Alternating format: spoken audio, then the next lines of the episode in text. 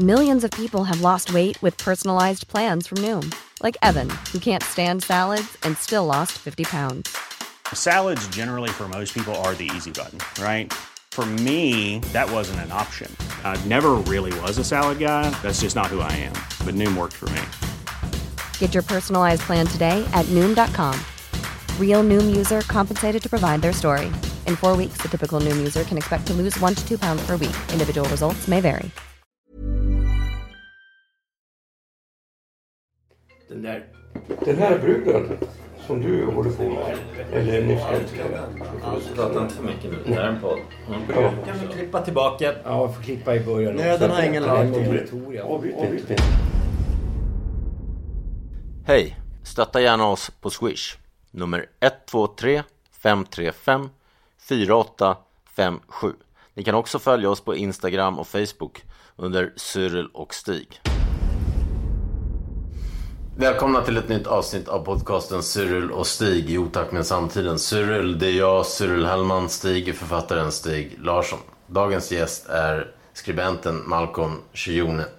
Malcolm skriver bland annat kröniker för GP, essäer för Access, Dagens Samhälle och Fokus.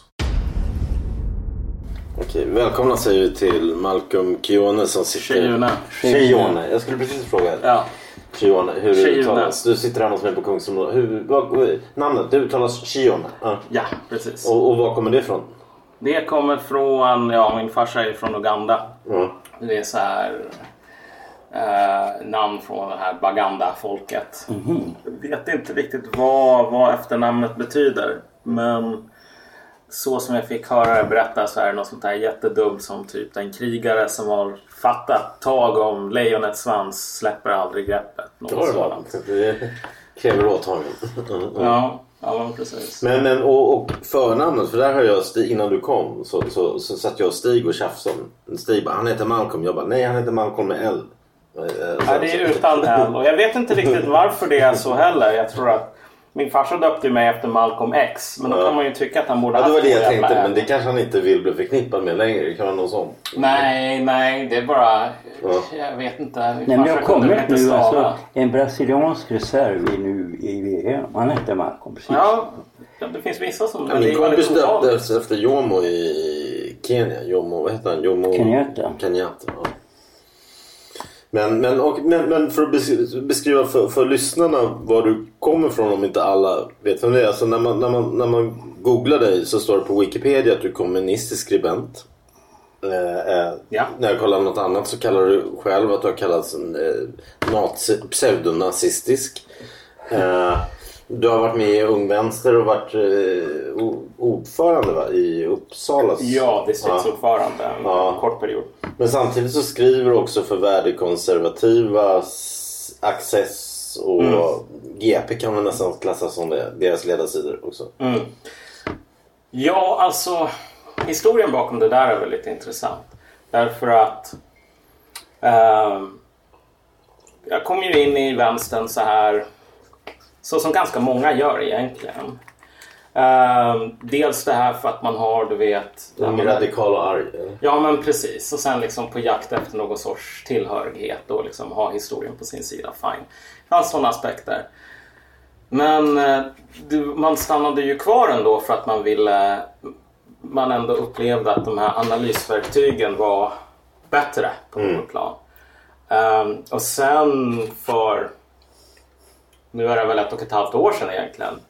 Så jag skrev ett inlägg som handlade då om att med de här vänsteranalysverktygen, med någon sorts marxistisk materialistisk analys så kan man förklara typ varför det inte går så himla bra för vänstern hos invandrare bland annat. Liksom att det finns materiella intressen och konflikter och så vidare i ett område som Husby. Ja, det var det som Stig sa innan vi började in. att Han, han gillade dig för han tyckte du angrep vänstern från dess eget håll. Mm. Men det Ja, att jag, tillhörde ju också vänstern. Va? Jag gick med redan vintern 70-71, alltså i, i FNL-rörelsen. Jag Det- det skulle är säga ju- så här. Ja, bara för att flika in här. Det är ju inte så. Jag lämnade ju aldrig egentligen. Jag skrev den där som var liksom ett ärligt menat försök att typ förklara process som vi ser idag. Och så hände det mer eller mindre att du vet den här liksom viskningsleken började ljuda. Eh, och att jag var nazist och galen och rasistisk och liksom en förrädare och bla bla bla. Det, och det är sällan som folk säger någonting liksom, öga mot öga. Utan de är i sina slutna rum och så håller de på och försöker köra kniven i ryggen på Jag en. kör någon psykologiskt då för att du ändå är rasifierad person och, och, och Ja, alltså. något sånt eller? Ja, i början så var det lite... Man märkte att det tog lite emot att kalla mig någon sorts här fullblodsrasist som vill... vill Men liksom... vänta nu, den snubben som var med i Alexandermorden. Ja, ja, men alltså, jo men precis. Ja, men alltså, kolla, man började ungefär där med typ Jackie Arklöv och nu för tiden så är det mycket mer att typ jag är Nils Flyg eller jag är en sån här galen liksom fetischerar typ den ariska rasen eller något sådant. Men, men, men som sagt, det var... Eh, vad ska man säga? I didn't leave the game, the game left me. Ehm, och sen jag, hade, jag gick ju inte in i det här med någon sorts eh, inställning att ja, men, ska kasta det här i soptunnan, hylla den fria marknaden, liksom, byta ut Marx mot jag vet inte vad, liksom, vad det nu är som Friedman. Ja, eller Annie Lööf läser, typ Pippi Långstrump. Jag vet inte. Alltså, så att det är intressant att jag har kunnat börja skriva så här. Den, den väldigt elaka tolkningen är ju att jag är ju, har ju kommit ut som någon sorts superhöger-onding så här. Ja, för att du omsvärmas ju fan samtidigt bland eh, A-högern. Mm. Medan jag har alltid tyckt att liksom bedöm, att, att bli hatad av mina fiender det ser jag som komplimang och att det kan man bedömas. Men, men, men det är inte alltid beror på vem man omsvärmas. Ja. Ja, nej men precis. Men jag tror att det är så här att vi lever i en tid där det är väldigt svårt att se vad är, vad är det som kommer att hända, liksom, vad är det som händer just nu? Hur ser konflikterna ut och så vidare. Ehm, och den liknelse som jag brukar dra är att sen jag liksom blev ja, stryken från julklappslistan och julkortslistan och liksom den här fina societeten för att jag var en galen rasist, nazist. Jag slutade ju inte vara intresserad av att försöka beskriva, analysera, förstå samtiden. Och så här, om du gör det, tänk att du var någon sån här meteorolog. Du tog fram liksom väderleksrapporter för eh, Nordsjön eller någonting så här under andra världskriget. Om du nu har den franska, den tyska, den brittiska och den ryska flottan som håller på och ber om de här väderleksrapporterna istället för bara en eller ingen så är det ju snarare ett tecken på att du gör någonting rätt. Om det är så många sidor som möjligt. De, behöver, de kan ju säga, vilket du ofta hör, att jo, men den här Malcolm han är en galen kommunist. Men det här är ändå ganska bra typ. Visst, han ska hamna i, i läger så här, när vi tar över. Men det här är ändå användbart. Och eh, jag kan inte säga att jag har några, någon större lojalitet till mina liksom, gamla kamrater så. Mm. Men jag försöker rita kartor som alla kan använda. Om Det de känns som att du inte har lojalitet mot någon. Att du, Nej. ändå, du är hedlig men du är ändå obekväm. Exakt. I alla lägen. Ja, men jag känner det. För, för, för mig var det, det var ju väldigt drastiskt. På den tiden var det ännu mer totalitärt. Alla fick ju förbud att tala med mig. Och de gick ju typ i min klass och så. Vilket var ju väldigt konstigt. Plötsligt- Det var, det var ett mönster som följde dig genom livet. Ja, men alltså, plötsligt så slutar de tala med mig. Och sen när de går över till läraren så talar de med mig. Med mig. Då har de blivit lärare själv. Sen ett halvt år senare så lämnar jag förbundet. Då får de inte tala med mig igen. det var ju samma personer. Och ah, de andra klasskamraterna tyckte det var jättekonstigt. Du får ju tänka att de var helt vanliga personer humanistiskt. Va? Vad fan är det frågan om? Jag gick ju fram och sa, hur är det Anders? Alltså, varför, varför säger du ingenting? Har du problem med rösten? Ja. Men, men, men din bakgrund, för du pratade ju just om, om de marxistiska analysverktygen och sånt. Och där är det ju att Marx, alltså teorierna funkar ju inte. Det, det har det ju visat ekonomiskt. Den enda femårsplanen som jag tror har funkat det är Churchills under andra världskriget och Francos under andra världskriget. Och eh, de var ju inte direkt vänster. Men, men, men eh, däremot så funkar den ju historiskt. Så, så är det ett analys. Framförallt inom historia och his, historiska ämnen. Ekonomisk historia och vanlig historia. Så, som jag har pluggat till exempel. Och, där du har mest marxistisk litteratur i hela världen. Det är Chicago University. Och då är Chicago University då Jag antar att det är ekonomerna som har köpt in det. Det är ju Friedman och Chicago Boys och min gamla klasskompis Bo Becker och alla som jag tycker de har, de har, de har en, på många sätt också väldigt cynisk och vedervärdig människosyn eftersom allt, allt mäts i pengar och det, talar ingen, det talar inte någonting om svält eller, eller BNP-fördelningen hos folket. Liksom. Det som de mäter. Nej, jag tycker att en av de viktigaste grejerna som är nästan bortglömd idag, som jag nämnde då i en recension av eh, Noréns vad heter det, personkrets.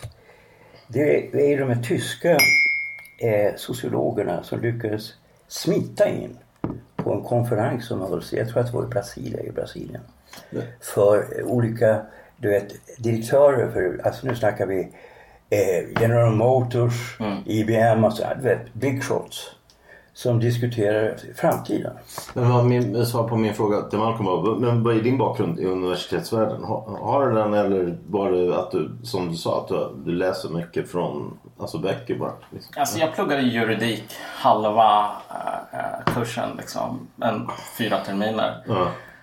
Eh, men sen så insåg man väl att det var inte riktigt någonting som man var...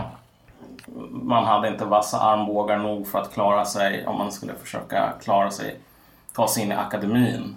Vilket var det jag ville göra. Men sen så var det väl att man hade ett par år därefter som man inte riktigt visste vad man skulle göra. Så det är som det blev eftersom man inte kan sitta och spela World of Warcraft hur många timmar som helst. Så man blir ganska trött på det. Så det var ju... Jag la ju ner en sex timmar om dagen åtminstone till att hålla på och läsa böcker, lyssna på föreläsningar. ehm, kolla liksom, följa så här nyhetsaggregatorer och liknande. Och sen om du gör det antal år så får man ju någon sorts allmänbildning efter det. Om man nu faktiskt går in, med, går in i det ganska seriöst. Liksom I en annan tid än den som vi lever i nu så skulle det där inte spela någon större roll därför att det är inte så som att särskilt många tidningar skulle vara intresserade av den sortens färdigheter. Men just nu så har vi ju en tydlig legitimitetskris. Om du tänker dig de här riktigt stora välbetalda namnen på Aftonbladet till exempel. Tänker på ledarsidorna. Ja, bland annat. Alltså, trots 80 000 kronor i månaden så är det ju uppenbarligen någonting som saknas. Och det mäts ju också, i, det kan man ju se i upplagan. Och de får konkurrens av Jean Frick och alla möjliga från håll. Men även säkert Ja. ETC skribenter också. Och, Ja. från olika. Ja. Exakt. Vi har liksom gått från en period där det är den liksom formella kvittot på att du är någon som räknas till ungefär vad du kan prestera. Ehm, och det är sällan att du lär dig prestera saker eller liksom hålla på med gedigen analys eller någonting om du rör dig i de här cirklarna som de här människorna rekryteras från. Ehm, diplomatiskt uttryckt. Liksom, det har inte funnits något sorts evolutionärt tryck åt det hållet. Men du tar upp Chang Frick till exempel. Menar, han är ju en bra journalist. Inte för att han har ett kvitto från Södertörns högskola. Utan för att han har den här färdigheten. Och vill du jobba på nyheter idag så kommer Chang Frick inte fråga en sekund om vilka kvitton han har, du har. Utan han kommer att fråga... Ni kvitto menar du? Alltså ja, men alltså, utbildning? ja, Ja, precis. Ja. Ja. Liksom. Sånt spelar ingen som helst roll för honom. Utan det som han kommer att fråga är kan du prestera? Och så fort Mm. du gör ett misstag så kommer han att ringa upp på eh, klockan två på natten och säga det här är ju asdåligt ju. Du måste fixa det. och så det är liksom på det vägen Mm. den bär. Men var det inte bättre då förr när du fick en analys? Nej, alltså, när det, det, det är ju den. Alltså jag slutade ju på universitetet när, för att jag kom in på filmskolan. va. Men alltså jag skulle ha slutat ändå för i, alltså, nivån var så låg. Jag uppfattade då att det där med universitet, det är ingen bra idé om du inte håller på med naturvetenskap. Jag tror att saker och ting har väl ändrats ganska mycket sedan den tiden och inte i en bra riktning. Om man ska vara jag har blivit ännu värre. Jag, jag känner en kille som är... Men, men du säger, du säger ju själv, så jag lyssnade på, på strax efter vi hade kommit överens att du skulle komma här så, så, så var du också med i Johannes Nilssons podd som vi har haft som gäst här. Men, men då, då pratade ni lite om det här med, med du, du, jag uppfattade att du själv ser det som nästan den enda analytiska ledarskribenten. Eh, nej, alltså. Jag vet inte om jag ska Att det är tyckande hos de andra mer. Alltså. jag skulle väl säga så här och försöka vara diplomatisk återigen. Att jag är relativt ointresserad av att hålla på och att säga så här. Hej, jag heter Malcolm och jag är en cool person och eftersom jag är en cool person och har det här namnet som du känner igen. Här lägger jag fram de här åsikterna och typ tycker du om mig så måste du hålla med. Um, utan jag kan, ta, jag kan ta ett exempel här. Jag skrev den här grejen i Kvartal om resentiment. Jag har inte läst den. Ja. Väldigt kort alltså. Berätta det- vad den handlar om. Ja. Ja, det, det handlade om mer eller mindre så här det här det som vi ser med typ gruppvåldtäkter och liknande. Eh, hur man ska försöka förstå det i något historisk kontext. Och tesen där är väl att om man läser typ Nietzsche eh, och hans tal om så här resentiment, slavmoral typ, så kan man förstå varför det finns en, en, en, en impuls och liksom hålla på och misshandla svennar eh, liksom, med det motivet då. Att du är en jävla svenne liksom. Nu ska du få stryk för att liksom, visa någon form av överhöghet. Och grejen är så här. Att jag vet att folk både i liksom, den yttersta vänstern så att säga läste det här. Även om ingen skulle erkänna det öppet på grund av att jag är hemsk rasist fascist. Jag vet också att NMR, alltså Nordiska motståndsrörelsen på deras sida Nordfront skrev någon sån här artikel där de bara mer eller mindre så här att vet du vad, Malcolm är en mulatt och borde antagligen skjutas så fort möjligheten ges. Men alltså, lyssna på budskapet, bry dig inte om budbäraren för det här är en ganska bra artikel. Den förklarar någonting sånt där. Och jag menar, det här är någonting som är relativt svårt att göra med en artikel i ETC till exempel. Därför en artikel i ETC har den här strukturen att vi är på ETC och vi är de här. Och eftersom vi är de här och slåss för den goda sidan eh, så du är ju självklart god som läser det här och här har du ett liksom, verktyg i arsenalen för den goda sidan. Men, men däremot skulle man ju faktiskt, alltså för att invända det, Ja. det som du gjorde nu, nu, utan att ha läst artikeln, det, Mm. utan det du förklarar från artikeln. Eh, man skulle kunna alltså, ta ett klassperspektiv eller någonting som, som jag växte upp och jag var typ så här värstingen tonåring och vi sprang ju över till Östermalms sida Mm. och eh, rånade och slogs. För vi tyckte vi hade rätten och de stod på, på någonting över oss som vi Mm. Ja. hade mindervärdeskomplex mot antagligen. Och, Ja. och, och, och sånt. Ja men exakt. Och det är det här minnesvärdeskomplexet som det handlar om ganska mycket. Om att just, Ja. Det kan ju komma av rent någon sorts klassperspektiv. Eh, men det kan ju komma av religiösa eller etniska... Ja. eh, Jo, alltså det finns alltså 100% av alla våldtäkter förra året mot män. Alltså män mot män var afghaner till exempel. Så det är klart att det är kulturella alltså, det är det som är skillnader. farliga när... Alltså jag tyckte då... Det, visst det fanns problem. Jag är ju född 55. Uppvuxen i, i fattigdom. Ren fattigdom. Va? Och sen fick vi det mycket bättre på 60-talet. mm. Alltså jag märkte det själv trots jag var barn. Att vi fick det bättre och bättre år. Nej, men din pappa var företagare. Nej, nej, han var, han arbetare tills jag var 13 år. Va? Men han fick ju högre lön. Mm. Så vi kunde då flytta till ett radhus. Va? Mm. Och, eh, och det där gjorde att jag uppfattade sen samtidigt att det här Sverige, alltså socialdemokratins, de hamnade i ett problem som man tydligt märkte på 70-talet. Nämligen att alla liksom, institutioner växte okontrollerat. Mm.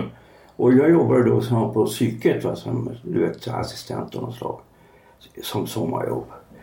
Och jag märkte att de andra gjorde ingenting. Mm. Alltså jag tyckte ju då att patienterna var mycket roligare än de här tanterna som var anställda där. För de satt bara i sitt fikarum och åt rulltårta och blev jättetjocka. Och det här var ju personer som var min- i min egen ålder. Som hade då pyromaner och manodepressiva och så här. Och de var ju rätt intressanta som personer.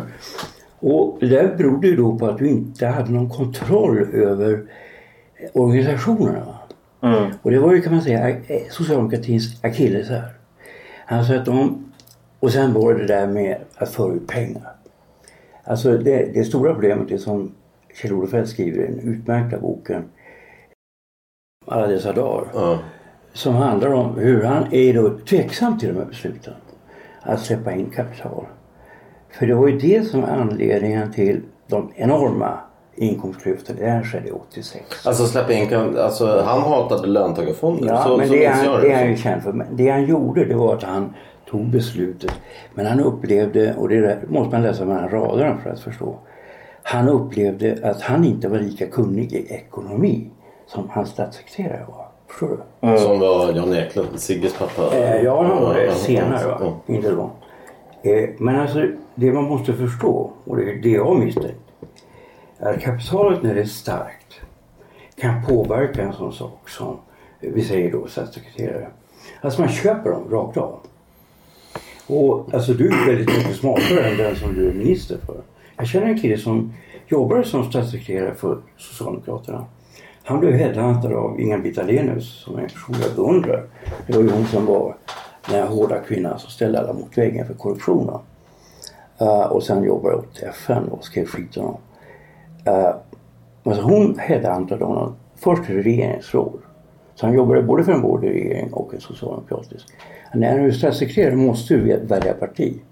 Regeringsråd då kan det vara vilket parti som Nej, men du kan vara, jag jobbade på justitiedepartementet när jag var 20. De var opolitiska. Ja, det var många politiska. Men inte statssekreterare.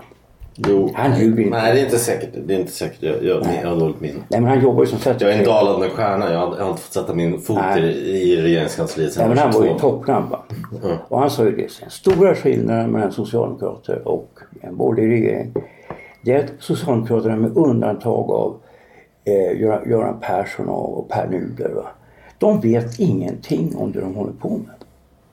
Alltså de har tio stycken anställda. Som lägger fram olika förslag. Va? Och det är inte någon av dem som ifrågasätter det här. Förstår du? Och det gör att smarta människor i dagens liksom, kan jag säga, själviska samhälle. Va? De, om du tar, jag läste den här boken av, om, av eh, Suonen om Håkan Juholt. Va? Eh, De är ju väldigt nära egentligen det man skulle kunna kalla för eh, alltså ett väldigt allvarligt brott. Det är så något landsförräderi. Va? Alltså de, de använder de här, alltså kanslihushögern till att påstå att han gör, eller de ger inte honom hjälp. Va? Och sen används tidningar för att eh, beskriva hur han gör ett fel som inte är ett fel. Alltså så pass bra jurister har ju de. Att de redan vet att det här är fel. Va? Men de vill ha bort honom bara därför att han var liksom ostyrig och han var ju kanske inte så jävla lämplig kan jag hålla med om. Men vad fan, han var demokratiskt vald. Och det är det som är det skandalösa. Antingen har du demokrati Känner sig Sonen som lite medberoende kanske? Nej men alltså, han var liksom vänster på det här gamla sättet. Och tyckte att man skulle liksom, du vet, vi satsar på de svaga i samhället. Och hårdare eh, skatter och sånt där. Va? Han var ju väldigt vänster. Nej, jag tänkte bara på författaren Sonen. Att han kändes lite medberoende. Mm, ja, Jo, jo, jo. jag har fått samma intryck. Men jag ska väl säga så här. Det här, just komma in på det här med till exempel Suonen, Juholt och så vidare tycker jag illustrerar någonting som är lite grann av ett problem idag. Du, du sa ju Stig att det här är den gamla vänstern. Och jag skulle nog säga att det är väl lite grann det som är det stora problemet. Och här är inte i den här liksom vägval vänster, man måste röra sig vidare, liksom acceptera typ Thatcher, Reagan.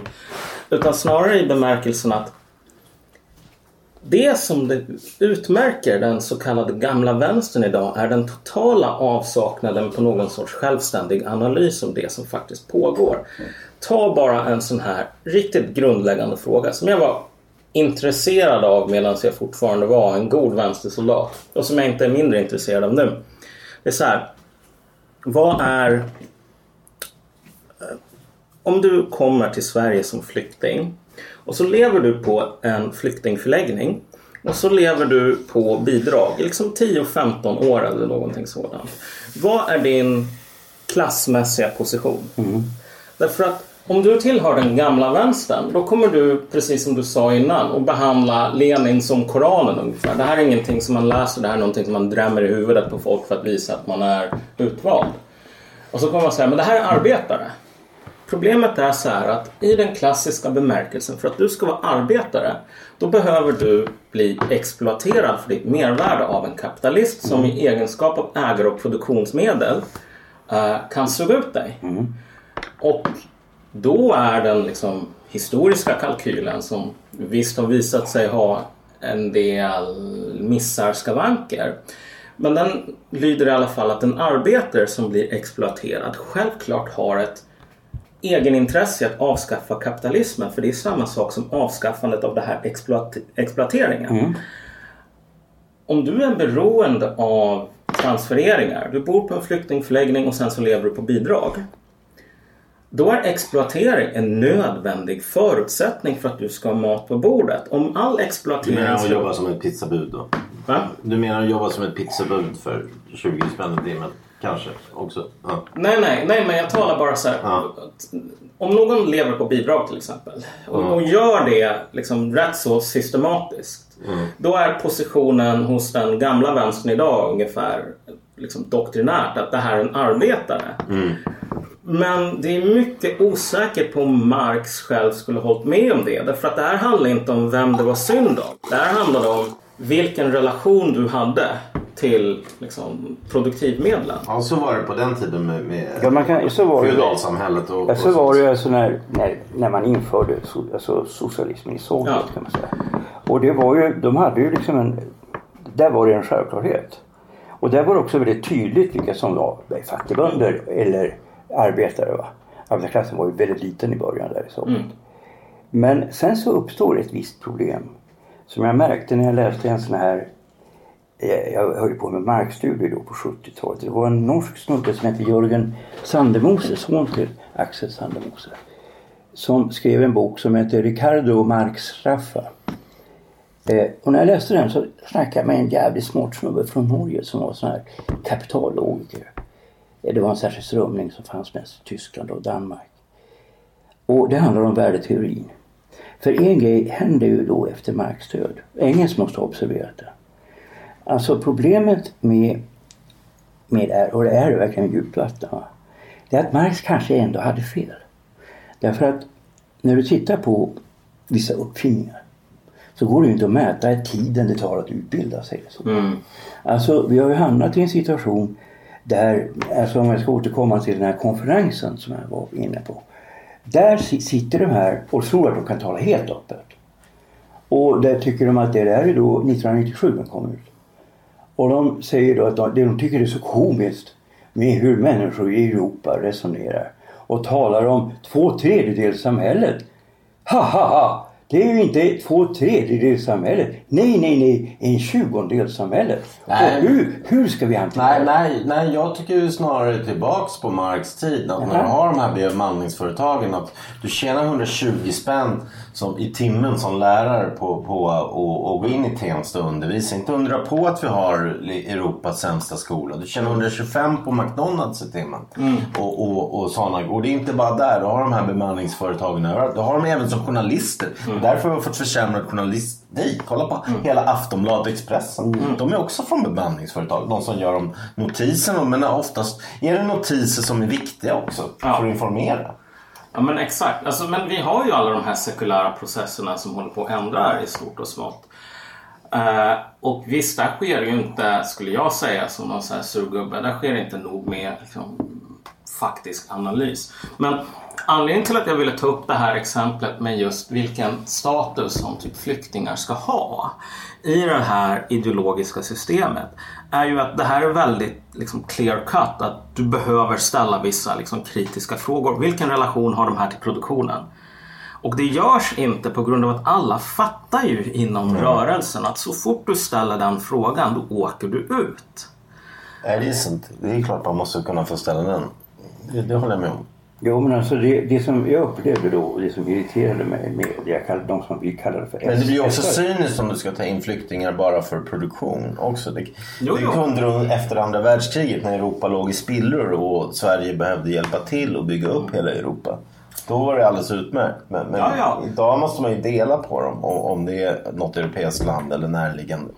Ja, ja nej, men definitivt. Men alltså, det är inte en ursäkt att göra sig själv dummare än vad man behöver vara. Och jag tror att det har... Jag känner ju Ann-Charlotte. Ja, just det. Eh, och hon... Jag vet inte vem det är. Vem är det? Det Förklara är en för mig och lyssnarna. till Lappalainen. Hon är jävligt smart. Mm. Ja, men, Hon har ju blivit så här... Eh, ganska illa behandlad, du vet. Folk har sagt upp eh, bekantskapen med henne. Eh, kallat henne en så här högerförrädare, borgarbracka, allting sådant. Men, men jag kommer ihåg så här. Hon skrev ju någon grej så här, Aftonbladet tror jag det var. De bara sa, okej okay, men Sandviken-rapporten är ingenting man kan lita på. När folk bara säger så här, du kommer att tjäna 500 miljarder på det här och det här. Alltså det här är inte seriös forskning. Och då blev hon ju attackerad från alla håll och kanter från människor som sa liksom, ja men vet du vad, vad har du för mörka intentioner när du påpekar att det här inte stämmer och så vidare. Och samma människor som var beredda att säga så i en sekund, liksom, att nej man kommer visst att tjäna 500 miljarder, var ju också lika beredda att säga så fort det här motbevisades, ja men det handlar inte om det. Och det här är en sån här fråga, och det finns ganska många sådana frågor idag där den officiella berättelsen är att man ska hålla på med analys, man ska hålla på och ställa massor med frågor. Och man ska hålla på och läsa Marx och Lenin och studera och ditten och datten liksom. Den reella situationen idag i den så kallade gamla vänstern. Och liksom, även om du ser till liksom många liberala miljöer så är miljön ungefär densamma. Ställ inte frågor som vickar på båten. Mm. Det är liksom the prime directive för att låna från Star Trek. Vad du än gör, vicka inte på båten. Och det där har blivit än mer uh, liksom, än mer påträngande i takt med Tänk dig, utanför fönstret just nu så har vi inte bara världens jävla värmebölja utan vi har, har jag hört i alla fall, någon sorts valrörelse. Hur många affischer har du sett? Nej, det är sant. Nej, de vågar inte. Äh, apropå vicka på båten. Vänsterpartiet, en av deras viktigaste frågor nu som har gått ut men det är att vi ska införskaffa ett tredje kön. Vad tycker du om det Stig? Nej men alltså jag uppfattar ju då att, alltså jag såg redan på dem då i början av 70-talet. Att deras åsikter det byggde inte alls. För jag kände ju då, mina släktingar allihopa i arbete och de jag umgås med nu när jag bor på Lilla Essingen är nästan uteslutande arbetare. Jag känner en journalist som nu är död. Och de är ju liksom numera så är de SD i princip allihop. Ja. Och, och de är liksom du vet invandrare. Mm. Eh, och är liksom absolut inte rasist. Vad fan skulle de vara det för? Mm. Eh, men jag upplever en annan lite konstig sak. Det är att när jag frågar dem för, för på 90-talet umgicks jag med ett gäng. Jag var med på ett projekt på Dramaten som helt havererade. För jag och Torsten Flink hade helt olika åsikter om det här med förorternas ungdomar. Då. Eh, jag hade ju ändå erfarenhet av det och det var ju lustiga. Alla invandrare ställde sig på min sida. Alla svenskar mm. som ofta var liksom barn till, till kändisar kulturmänniskor. Mm. De ställde sig på Torstens sida. Torsten har vi tänkt, vi har tänkt att, att återvinna lite gäster. Så ja. Torsten har vi tänkt att kom, bli återkommande så då får han jag, kommentera jag, det då. Jag gillar ju Torsten men han är ju en jävla så hycklare va. Men alltså grejen, grejen, med. Ja. ja. men grejen var den att jag började umgås då med ett gäng Alltså de som inte ville snacka med mig först mm. för jag var en kändis. Och det var de som var de enda som var liksom, du vet, kriminella på riktigt. Mm. Och sen så hängde jag då med de här gängen va. Alltså innan skjutningen då på eh, där Sture eh, kompaniet va. Eh, de, de här killarna, de var ju också en, en, en, ut, en liksom periferin av det gänget va. Så jag träffade dem också. Och de accepterade mig va. Och sen en annan kille som Johan. För vi var inte som svenskar. Eh, vi var liksom... Vi, vi och Micke Jallow också ja, men vi tyckte, vi tyckte, De tyckte du är korrekt. Mm. Du hittar aldrig på våra tjejer. Du talar aldrig illa om dina föräldrar. Du är inte som en svenne. Mm. Alltså är du jävligt konservativ. Mm. liksom men alltså jag upplevde då att när jag frågade dem om rasism, för de tyckte att det var så otroligt löjligt. Men det fanns ju fan ingen rasism. Okej, okay, i Skåne ibland. Mm. Men alltså inte i övriga Sverige. Eh, men när jag hör nu va så märker jag ju att bara kanske de sista två åren att det har uppstått rasism. Ja, jo men precis. Det, är det, det här är det stora problemet. Att man tänker sig den, den, den rådande föreställningen angående rasism idag är ungefär att det här är en prehistorisk kraft. Alltså den existerar inte i historien utan utanför. Mm. Och det är som någon så här ringvålnader eller någonting som kan ta sig in och kolla på och ställa till med fuffens. Mm. Men de är egentligen, de är inte människor som lever och dör utan de är fucking ringvålnader. Och därför är det så här att liksom, i Sverige idag oaktat liksom den, den faktiskt existerande rasismen eller oaktat det faktum att det här är ett av länderna i världen där otroligt få människor kommer att säga nej men jag kan inte tänka mig att ha en, en, en liksom afrikan som bor granne med mig. Um, så oaktat det så kan man fortfarande säga att Sverige är hur rasistiskt som helst. För den här liksom onda anden finns alltid där och lurar i bakgrunden ungefär. Och det här är en otroligt tacksam otroligt tacksam syn på saken eftersom det gör att antirasister alltid har väderkvarnar att veva mot och mm. liksom jobb och bidrag och så vidare som man kan söka. Uh, samtidigt så liksom när man vevar mot den här rasismen som går ut på typ jag vet inte riktigt vad den går ut på, så missar du ju framväxten av etniska gäng mm. som kan hålla på att trakassera folk från andra etniciteter. Mm. Antingen enligt bara rena etniska linjer som du tänker dig de här storbråken på skolorna till exempel. Mm. Där det är olika grupperingar.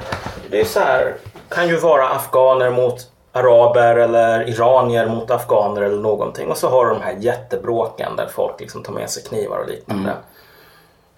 Det finns liksom inte med i, i ja, men En sak som var egendomligt och som jag fick veta men det krävs att du känner dem jävligt väl för de snackar mm. ju inte liksom, du vet, med journalister eller sociologer. Mm. Det ska de ju aldrig göra. Om, de, om du är liksom en del av gänget då får du veta e- efter ett tag, efter mm. tre, fyra år. Då kanske de säger så här att anledningen till att det inte finns några etniska motsättningar mellan mm. olika grupper i Stockholm på samma sätt som det gör i Göteborg och i Malmö. Mm. Det är helt enkelt att alla utom då i den tiden men sen accepteras turkar och kurder också. Mm. Ungefär 2000. Mm. Men alltså 94 så var turkar och kurder out. Mm. Och den primitiva orsaken till det här var, det var ju sexuellt. Alltså så länge de inte, alltså var du somalier Mm. Och blev ihop med en somalisk tjej. Och så var du otrogen. Då blev det klanstrider i Somalia. Mm.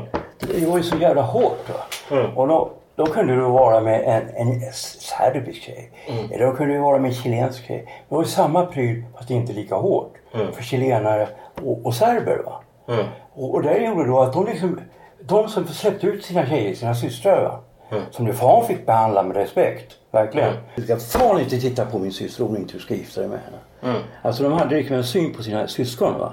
Som var ju för mig väldigt främmande va. Men jag köper ju det va. Men tycker du den synen är rätt?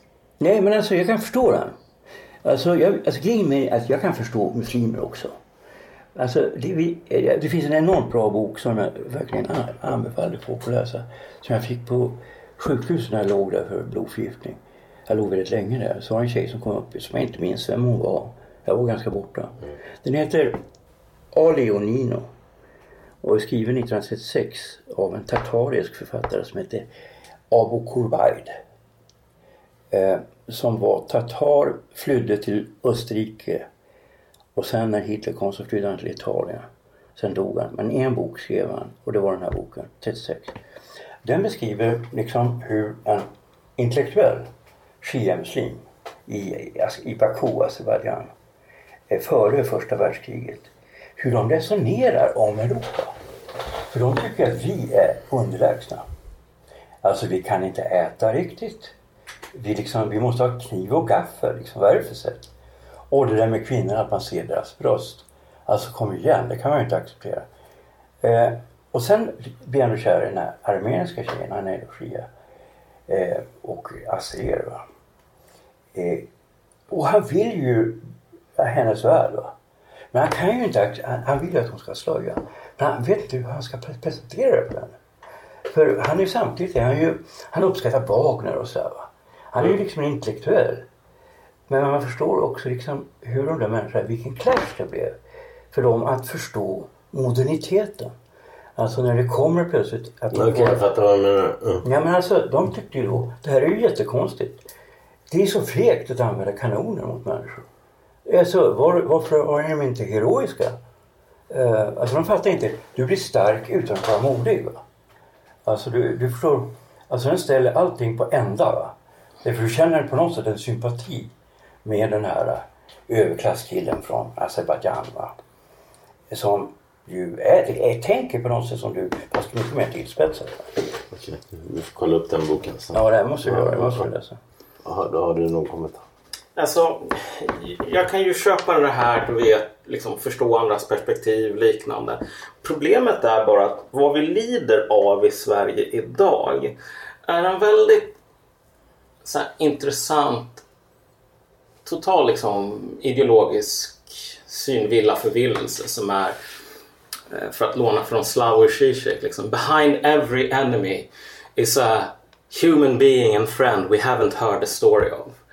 Uh, och det som Zizek brukar göra för att ställa det exemplet på sin spets det är bara så här att fråga ta någon som Hitler.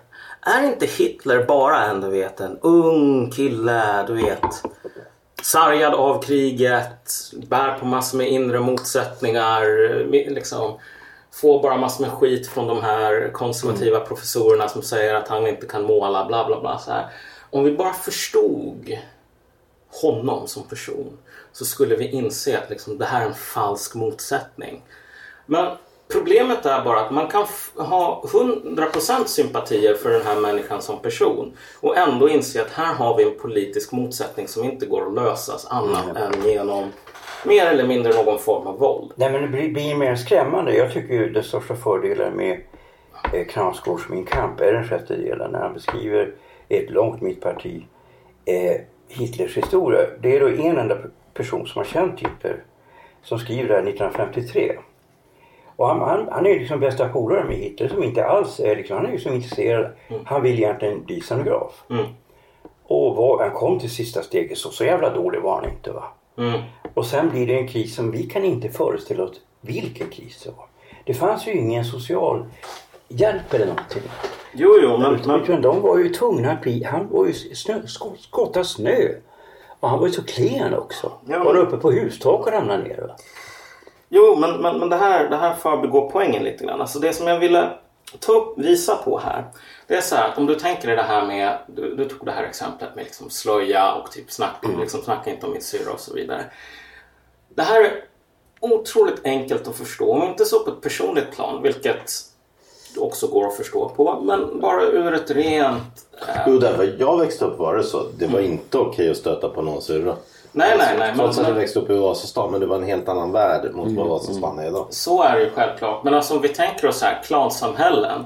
Så är kontrollen av reproduktionen jätteviktig på ett sätt som den inte är äh, har varit i Sverige under ganska lång tid. Och det är inte för att svenskar är liksom mer liksom avancerade i någon sorts moralisk bemärkelse utan att det fyller ingen socioekonomisk slash produktiv funktion på samma mm. sätt. Um, och Problemet är bara så här, att ta bara sån här liksom kyskhetsidealet. Rent konkret så innebär det här inte bara att man måste se till så att sin egen syrra är kysk. Mm. Utan man måste by proxy uh, kontrollera egentligen alla kvinnor i området. Inklusive sådana som man inte är släkt med. Därför att de kan sätta väldigt uh, tråkiga exempel. Uh, och du vet förleda kvinnor in på den felaktiga vägen. De blir försvenskade, bla bla bla. Vad det här innebär i praktiken, eller kan innebära och har inneburit i Sverige idag, modern tid. Det är att du har sådana här områden som typ om ni kollar på det här Kalla fakta reportaget om moralpoliser i Husby. Mm. Så har du en kvinna från majoritetsbefolkningen, vitblond, som typ inte kan bo kvar på grund av att hon är singel, äger hund, typ dricker vin. Alltså mm. föregår med omoraliskt exempel. Mm. Så liksom, vi tänker alltid att om den här kvinnan bara liksom förstod det andra perspektivet här så skulle vi inse att det är en falsk konflikt. Mm. Självklart är det inte en falsk konflikt därför att man kan ha full förståelse för de moraliska och sociala imperativen som det finns i att kontrollera kvinnors sexualitet. Mm. Och inse att det finns kvinnor, speciellt sådana som eh, inte kommer från en sån kultur, som har ett eget intresse att se till så att de här jävla snubbarna håller käften. Ja. Och bort med tassarna. Men, men vad skulle vara lösningen då? Att man sätter folk, att man sätter folk typ som, som i... Stäng av din telefon Stig. Stig har precis fått en mobil. Oj då. Ja. Ja, du ser. Nej men vad skulle, vad, vad, vad skulle lösningen vara? Att man sätter folk typ innan de kommer i, i inkubation i ett läge där vi, där vi fostrar i, så här ser vi det i Sverige. Eller typ som, jag tänker på Clockwork Orange kanske där de får se för mycket våld. Att de får titta på porrfilm i, i 30 dygn eller någonting. Eller kärleksfilm eller någonting. Nej, alltså, då kommer det kommer bara trigga. Men kärleksfilm mellan raser kanske eller, eller vad som helst. Eh, Jag vet Jag inte. tror inte det vore lösa liksom så här, eh, instrumentellt. Nej. Det Nej, det är klart. Det är, det är bara en rolig grej. Ja, alltså, sådana här grejer löser sig själva genom det enda sättet som man löser sådana här konflikter på, vilket är med våld. Och det är faktiskt, det är, det är liksom... Det finns ett annat sätt. Jag brukar alltid säga våld löser allt. Jo, men, jo, ni har rätt i det. Men det finns ett annat sätt också. Det är att eh, få, alltså, titta på krigströtthet. Där handlar det ju inte om våld.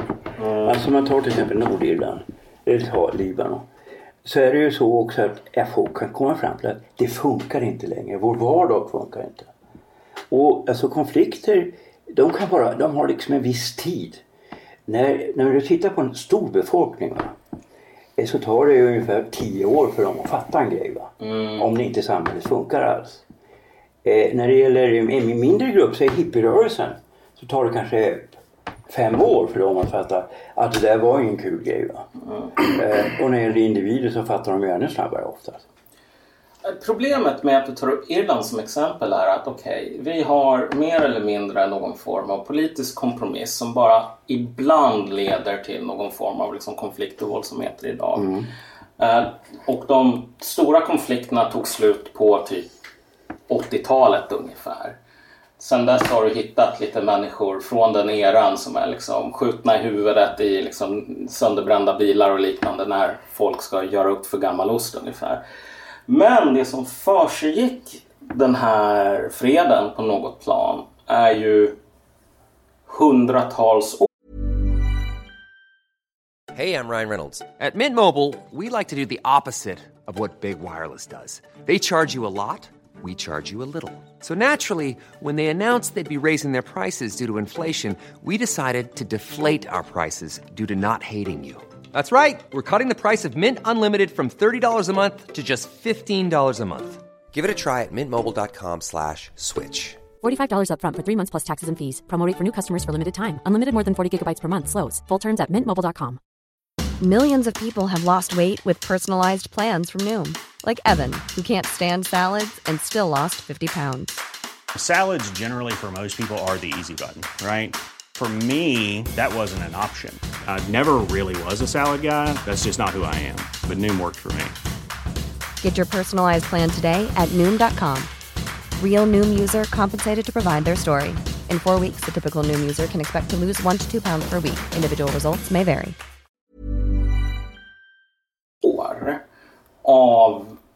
En liksom, konflikt som ibland exploderar i regelrätta uppror, upplopp, liknande. Folkfördrivningar, allt sånt där. Och jag menar den här tröttheten kommer ju mest på grund av att det är britterna som är trötta på att försöka vara kvar och ha en maximalistisk position. Um, så, jag menar, anledningen till att jag sa att sådana här grejer ofta löses genom våld är ju för att i slutändan när folk har krav på andra ehm, eller vi tänker att vi har de här olika, du vet, du vet vi har olika kulturer och det är så här, varje person på sin plats, liksom olika fack, mångfald är bra, massor med olika matrestauranger och så vidare. Och att det här är, det, det är liksom, man kan bygga en fungerande idyll på det här. Sköt dig själv och skit i andra. Problemet är att normalt sett i mänskliga sammanhang så mitt krav till exempel på att få respekt är ett krav som inte bara utsträcker sig till mig. Utan det ställer krav på hur ni behandlar mig. Och om ni säger, men vet du vad? Jag har den här och den här världsåskådningen och den här och den här kulturen. Så jag, liksom, jag spottar folk i ansiktet och jag gör det för att visa respekt. Då kommer jag antagligen bli ganska sur. Och vi kan ta ett praktiskt exempel på det här. Här Yasri Khan-gate inom citationstecken. Vad var problemet med Yasri Khan? Förklara vad det är. Varken jag eller Stig vet ens vad det är. Ja, Så alltså Yasri Khan var alltså en person i Miljöpartiet som jag tror kandiderade till eller hade blivit invald i Miljöpartiets partistyrelse. Och sen, han är ju så här islamist. Var han som inte ville hälsa? Ja, han ville inte ta en kvinnlig fotograf i hand, eller journalist i hand. Och så sa han, jo men det här är ju min kultur. Liksom. Ja, jag visar inte respekt för kvinnor på det här sättet. Och då var det ju massor med jävla kött bak och fram. Om liksom, varför bryr sig folk om det här ens? Men problemet är att den här kvinnliga journalisten, hennes argument i praktiken var så här, okej, jag är en svensk kvinna. Och mitt krav på respekt från dig är att du behandlar mig på samma sätt som du behandlar alla andra. Liksom, Jag kan inte acceptera någon form av särbehandling utan att den särbehandlingen ska vara nedvärderande. Och här har vi en konflikt där båda människorna utifrån sina egna ehm, uppfattningar, allt det där, har liksom en stringent position. Men de här sakerna kan inte jämkas med varandra. En måste vinna, en måste förlora. Precis. Och vi har varit blinda för den sortens konflikter i Sverige. eh, samtidigt som vi har staplat den här liksom veden. eh, liksom block på block på block på block. Och liksom väntat till att det ska bli hur torrt som helst. Så att, jag menar. I Sverige 2018 börjar man komma på typ att så här, vi lever fortfarande i en världsdel där det senaste sån här konflikten, det var inte typ för 200 år sedan folk gick runt med typ kulotter och bla bla bla sådär. Utan det var typ jag sa någonting som jag kollade på efter Bolibompa när jag växte upp. Det vill säga Jugoslavien. finns människor som var med, jag känner en del som har lite färgrika erfarenheter från det. Eh, och det är ju en av de här, apropå varför högern älskar mig. Jag försöker ju skriva om såna här, eller liksom bara försöka återintroducera historien här på något sätt. Inte för att jag tycker historien är så jävla ball eller de, de potentiella liksom, framtidsscenarierna är så jävla roliga. Men snarare är det så här att det här är en konversation som man behöver ha på något plan egentligen. Liksom, hur, ser de här, hur, hur blir de här konflikterna? Till exempel när den här snubben som säger men jag har fan bra skäl till att kontrollera kvinnors kyskhet. Eh, krockar med den här kvinnan som säger men vänta vad, jag är svensk, det här är Sverige. Varför ska dina skäl att kontrollera min kyskhet typ gälla här? Du är inte Afghanistan och du är inte Irak nu. Liksom, den...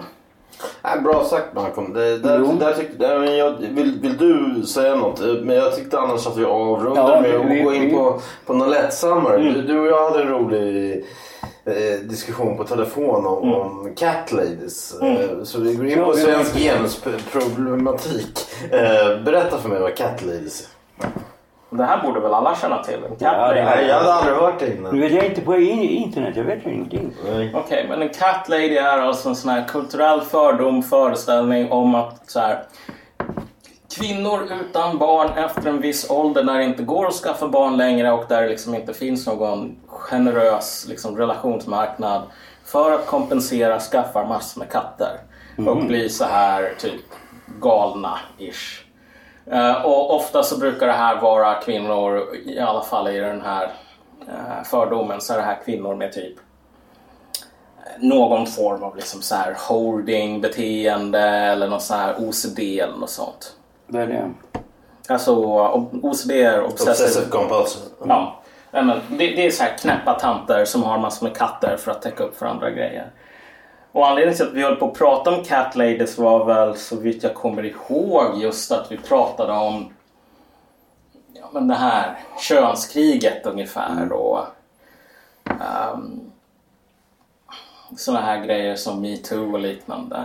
Och det har ju varit lite av en det här är en av de frågorna som jag tycker personligen är väldigt intressant och som jag håller på att läsa ganska mycket om och funderar ganska mycket på.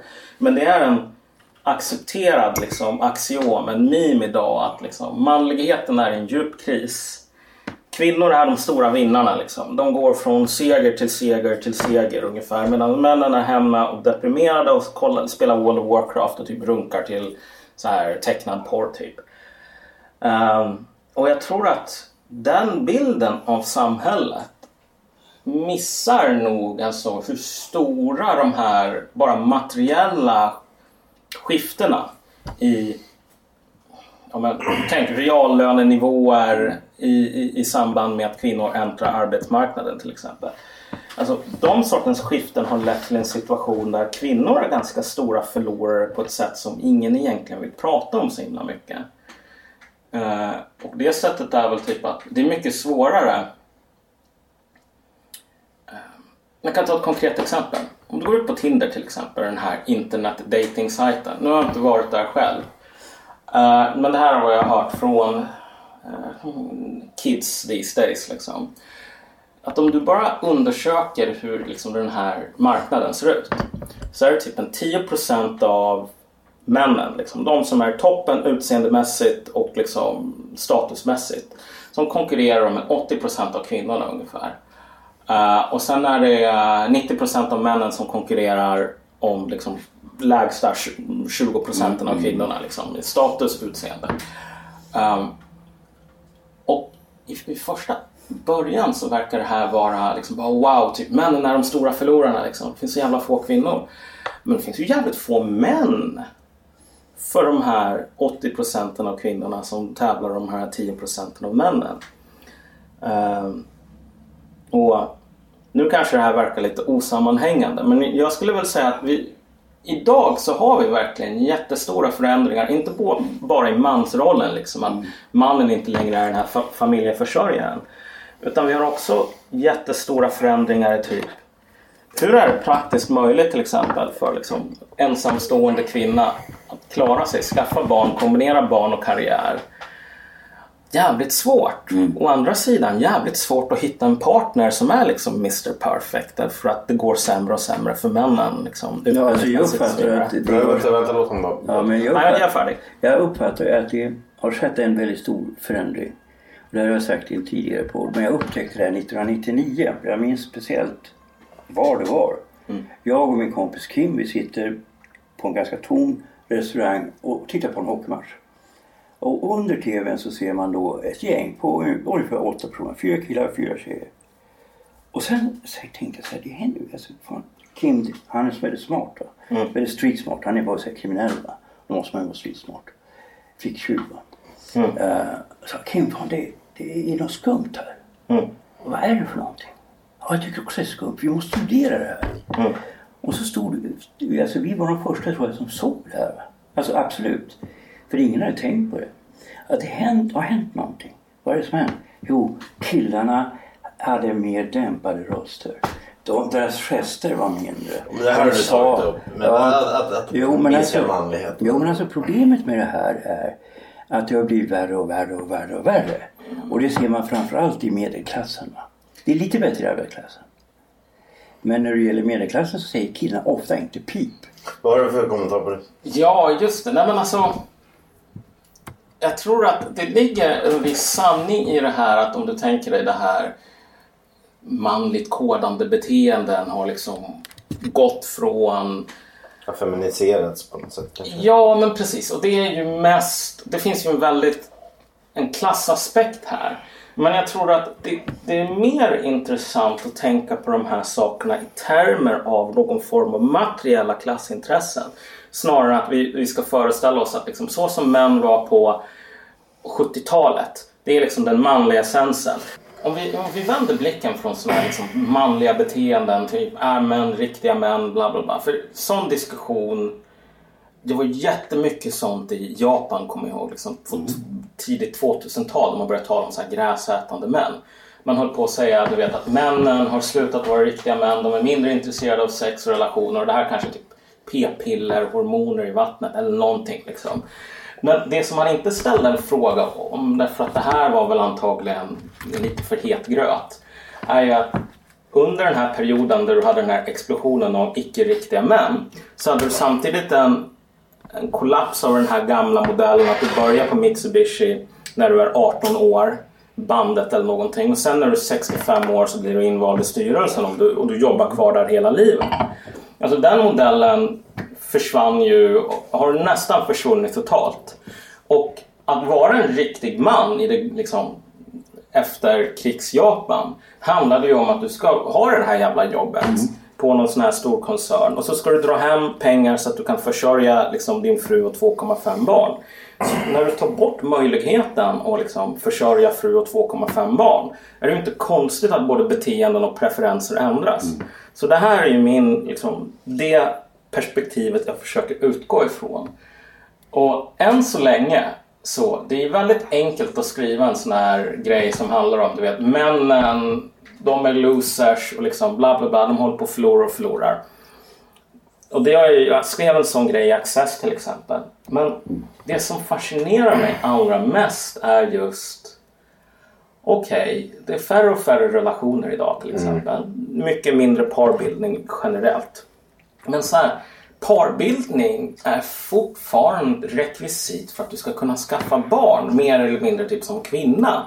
Därför att att försöka skaffa typ 2,5 barn utan att ha en partner som du kilar Ja, fast nu har du insinuationer och, och dra- någon drar till Danmark. Och, Jo, jo, men vilket man också kan ifrågasätta. Är det en rättighet verkligen att ha barn? Jo, jo, alltså det där, det där, Utan finns, pappa. ju, det där finns ju redan. Alltså, I praktiken, legalt, så vet jag förstår. Om du är en ensamstående kvinna, du behöver inte hoppa igenom några så här brinnande ringar för att skaffa barn utan en partner överhuvudtaget. Mm. Du kan få hjälp av liksom, landstinget med insemination och så vidare. Men det är ju inte alla som hoppar på det tåget därför att du kan tjäna en 30 000 kronor i månaden och bli hemlös som ensamstående mamma om du har otur. Det här är inte ett samhälle som är byggt för det. Det är byggt för att du ska ha två jävla löner. Och saken är ju bara den att det här är ju... Jag kan lägga fram en lite så här kontroversiell teori så kan ni och typ alla lyssnare bli arga på mig. Men jag kan skylla på att det här var inte min idé. Jag fick den från Alexander Bard när vi snackade. Men Bard sa ju i någon diskussion som vi hade så här att dels det här metoo-drevet, där var det ju väldigt tydligt. Men sen också om ni känner till det här drevet mot Mr Cool. Eh, Jo, han har gjort en låt som heter Knulla barn. Inte särskilt bra men, Nej. men det var uppenbart att det var humor Ja. på något sätt. Men om man ser till vilka som är aktiva i det här. Så är det, det är liksom en majoritet, en förkrossande majoritet kvinnor. Och det är ju... Det, Barts tes var ju att det här är kvinnligt resentiment. Liksom. Ni tänker er den här filmen Fight Club där du har alla de här männen som får lära sig att de ska bli astronauter och rockstjärnor och så vidare. Ehm, och sen så inser de att Nej, men jag kommer att jobba på Wendys eller McDonalds eller något sådant. Och så startar de Fight Club och börjar puckla på varandra liksom, för att försöka hantera den här frustrationen. Tesen här var väl att dagens liksom, Fight Club för kvinnor nästan, det här sättet att hantera den här frustrationen över att samhället inte är det som man blev lovad eller som man vill leva i är den här sortens drev. Eller i alla fall det är en manif- mani- manifestation av den här uppdämda eh, frustrationen, resentimentet typ. Men jag tror att det ligger Det någonting ligger i någonting i det och jag, min analys är det här. Alltså först är det två chocker som kommer. Den första chocken var att Sverigedemokraterna fick fick så mycket röster. Och det blev ju en förstämning bland alla mina vänstervänner. De var verkligen chockade. Jag, var, jag trodde att de skulle få kanske 11 procent och det blev 13 men det var ingen stor skillnad. Eh, men alltså, de hade ju ingen kontakt med, med liksom arbetare. Va? Utan de liksom träffade ju liksom bara sina kompisar. Så de hade ingen koll på det där. Men de, de, de blev verkligen chockade över, jag snackade med tjej som om mera Black Coffee också, jag har med det i min nya bok. Alltså hon berättar ju då hur, hur hennes liksom, alltså hennes tänkande påverkades av kontakten med den här typen av människor. För att hon förstod att det hon tänkte, det var ju liksom en minoritet som tänkte så. Och det måste vi hantera på något jävla sätt. Sen så kom Trump och va. Och då blev folk verkligen, nu, är, det, ju- vad, vad är det, vi är på väg mot andra världskriget nu eller sånt där. Va? Och eh, de här två chockerna gjorde att det fanns liksom en grund, grundmån för en jordmån för att du ska hitta något, något sätt att agera. För att en sak kan alla vara överens om. Våldtäkt är inte okej. Det tycker även våldtäktsmän. Mm. Eh, jag tror att alla våldtäktsmän skulle säga ja, jag kanske inte Södermannen, min kompis har suttit med honom. Han tyckte att han gjorde kvinnorna en tjänst. Um, ja, det finns ju vissa liksom, ganska störda människor, men de är ju jävligt sällsynta. Men det här innebär ju då att de unga människorna, de har ju jävligt svårt att ta in sexuella initiativ. Mm. Det, alltså det påverkar ju då hela det uppväxande släktet. Då. För det är ju klart att det är ett spel. Och jag har ju aldrig, jag är 63 år. Jag har aldrig varit med om att det skulle ha varit något problem att avgöra eh, om, om det är okej eller inte. Det ser du ju. Alltså det är liksom inget problem. De gör ett problem av något som inte är ett problem.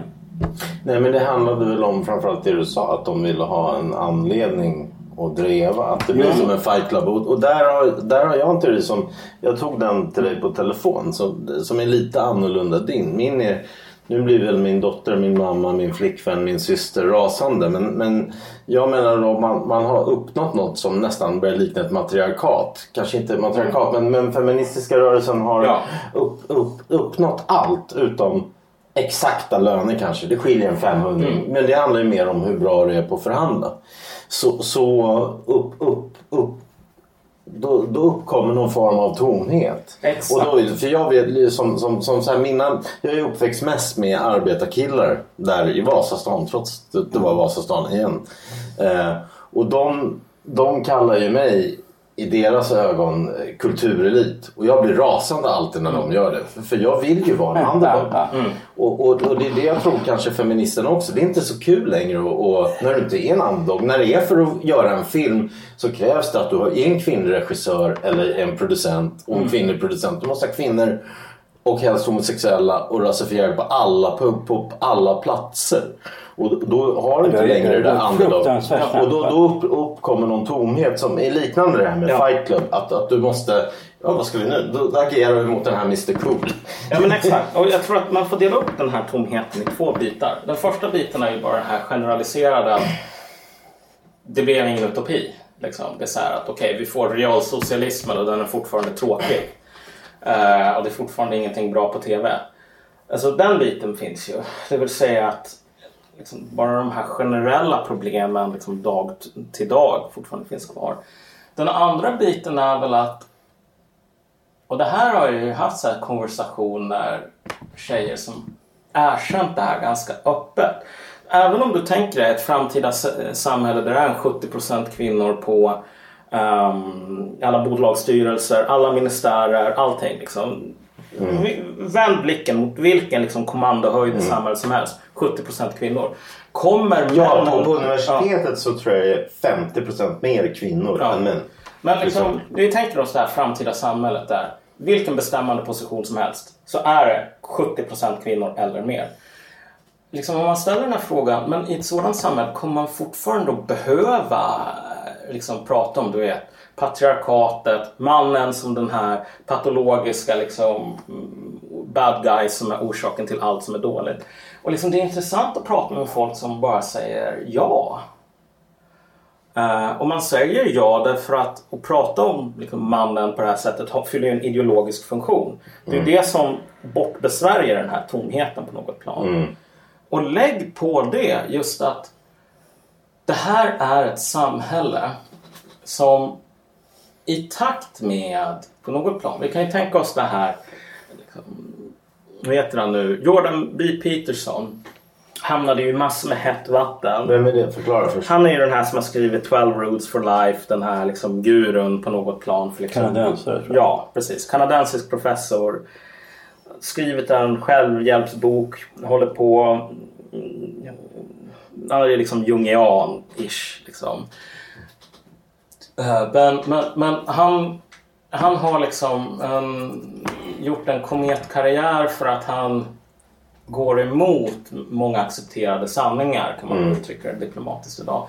Han hamnade i jättemycket hett vatten relativt nyligen tror jag. För att han sa någonting i stil med Det var någon sån här incel som typ sköt i, eller körde ihjäl människor. Mm. Alltså någon snubbe som inte kunde hitta någon tjej. Körde ihjäl människor i Kanada. Och så sa han någonting i stil med sådana här saker skulle antagligen inte hända om du hade liksom påtvingad monogami. och då menar han ju inte typ att staten typ väljer ut en fru åt liksom varje kille utan snarare här det finns en sån här social tryck. Man ska liksom gifta sig, man ska inte skilja sig sådär. Om, om det fanns så skulle även liksom losers kunna hitta kvinnor och då skulle vi inte ha massor med arga losers som liksom utåtagerande. Och grejen var ju att anledningen till att folk blev så sura var ju av ganska uppenbara skäl. Men de tolkar ju ungefär det här som att okej, okay, det här samhället utan monogami där man kan få liksom hålla på med one night stands och liksom sex and the city går och allting sådant. Det här är ett samhälle som männen är de stora förlorarna på. Men problemet är nog att det är faktiskt tvärtom på något plan. Därför att i en mindre upplyst tid än vår då bildade man familjer med den här tanken att okej, okay, men familjen är en produktionsenhet. Och vi är jordbrukare, vilket en majoritet av människor var. Då sa man att okej, okay, men vi behöver en familj för att vi ska kunna sköta det här jordbruket. Liksom. Vi behöver mer än en arbetare och vi behöver liksom, någon som mjölkar korna och någon som sår och någon som skördar och bla bla bla. Sådär. Sen så är det ju också en produktionsenhet rent biologiskt. Liksom. Man behöver skaffa barn så att eh, familjegården kan gå vidare. Och problemet är att utifrån det perspektivet jag menar på något plan så stämmer det ju fortfarande. Om du ska liksom skaffa barn så behöver du en, liksom, en ekonomisk nivå som är väldigt svår att uppnå som ensamstående arbetare. Liksom. Men om vi bara ställer den här frågan. Hur svårt är det för män att leva någon sorts ungkarlsliv? Liksom till de är 40 eller någonting. Så här. Och jag vet inte, sitta och dricka öl eller liksom rosévin med vatten i och spela in podcast eller vad det nu kan vara. Liksom. I relation till för, för liksom, det är ju ganska enkelt rent ekonomiskt. Alltså det är, vi lever i ett samhälle som inte gör det omöjligt. Men i relation till hur, om du är kvinna och du har någon sorts målsättning med livet som dels inbegriper att få någon sorts status i arbetslivet och skaffa barn. Mm. Du har en mycket hårdare tidspress på dig och du har ett samhälle som inte är byggt för det här. Liksom. Um, så bristen på monogami här är inte bara någonting som är intressant för liksom manliga losers som inte kan hitta en flickvän. Utan det är ju också intressant utifrån perspektivet att du behöver än så länge så behöver du någon form av monogami för att liksom, barn ska kunna vara realistiskt. Det är möjligt att inseminera sig idag men det är inte särskilt många som gör det. Nej, det finns en annan aspekt på det hela. Och som jag då, jag blev egentligen mest medveten om när vi hade Jack Hildén här som gäst. Jag känner hans pappa Bengt Olsson. Och jag, vi läste, eller jag läste då den här boken God och oförändrad eh, och tyckte att det var en väldigt väl beskrivning av dagens situation. Alltså nu är det inte så att jag har någon sorts eh, att jag har samma liksom, utbyte med unga tjejer som jag hade en gång i tiden. Men det har ju ändå hänt efter 2010. Och jag måste ju säga det att det är ett problem att de har blivit så inriktade på porr. Alltså, och det där gör ju att tjejerna slits ut på något sätt. Mm. Alltså de blir liksom på något sätt oattraktiva. Och han beskriver det där i ett skrämmande slutkapitel. Jag tror inte han förstår själv hur skrämmande det är. Han träffade dem. För mig var det inte riktigt skrämmande. Ja, men jag tänker, tänk på tjejen då. Det är inget kul va. Hon är 17 år. Och hon har skurit sig så jävla mycket så han tycker det är äckligt va. Mm. Och han säger för honom, vad ska han göra med henne? Ja men det är han skickar på henne på någon ravefest. Mm. För han stod inte ut med det. Mm. Ja, alltså det är ju ett sånt jävla... Alltså det är ju verkligen sexistiskt att behandla kvinnor på det sättet. Men de har ju själva valt det, förstår du? Alltså grejen med Tinder eftersom jag själv var där ett tag. Det är ju så, här, så att, att, att det är ju som min dotter kallade det en ligg-app. Mycket även om många i, i min ålder vill träffa någon.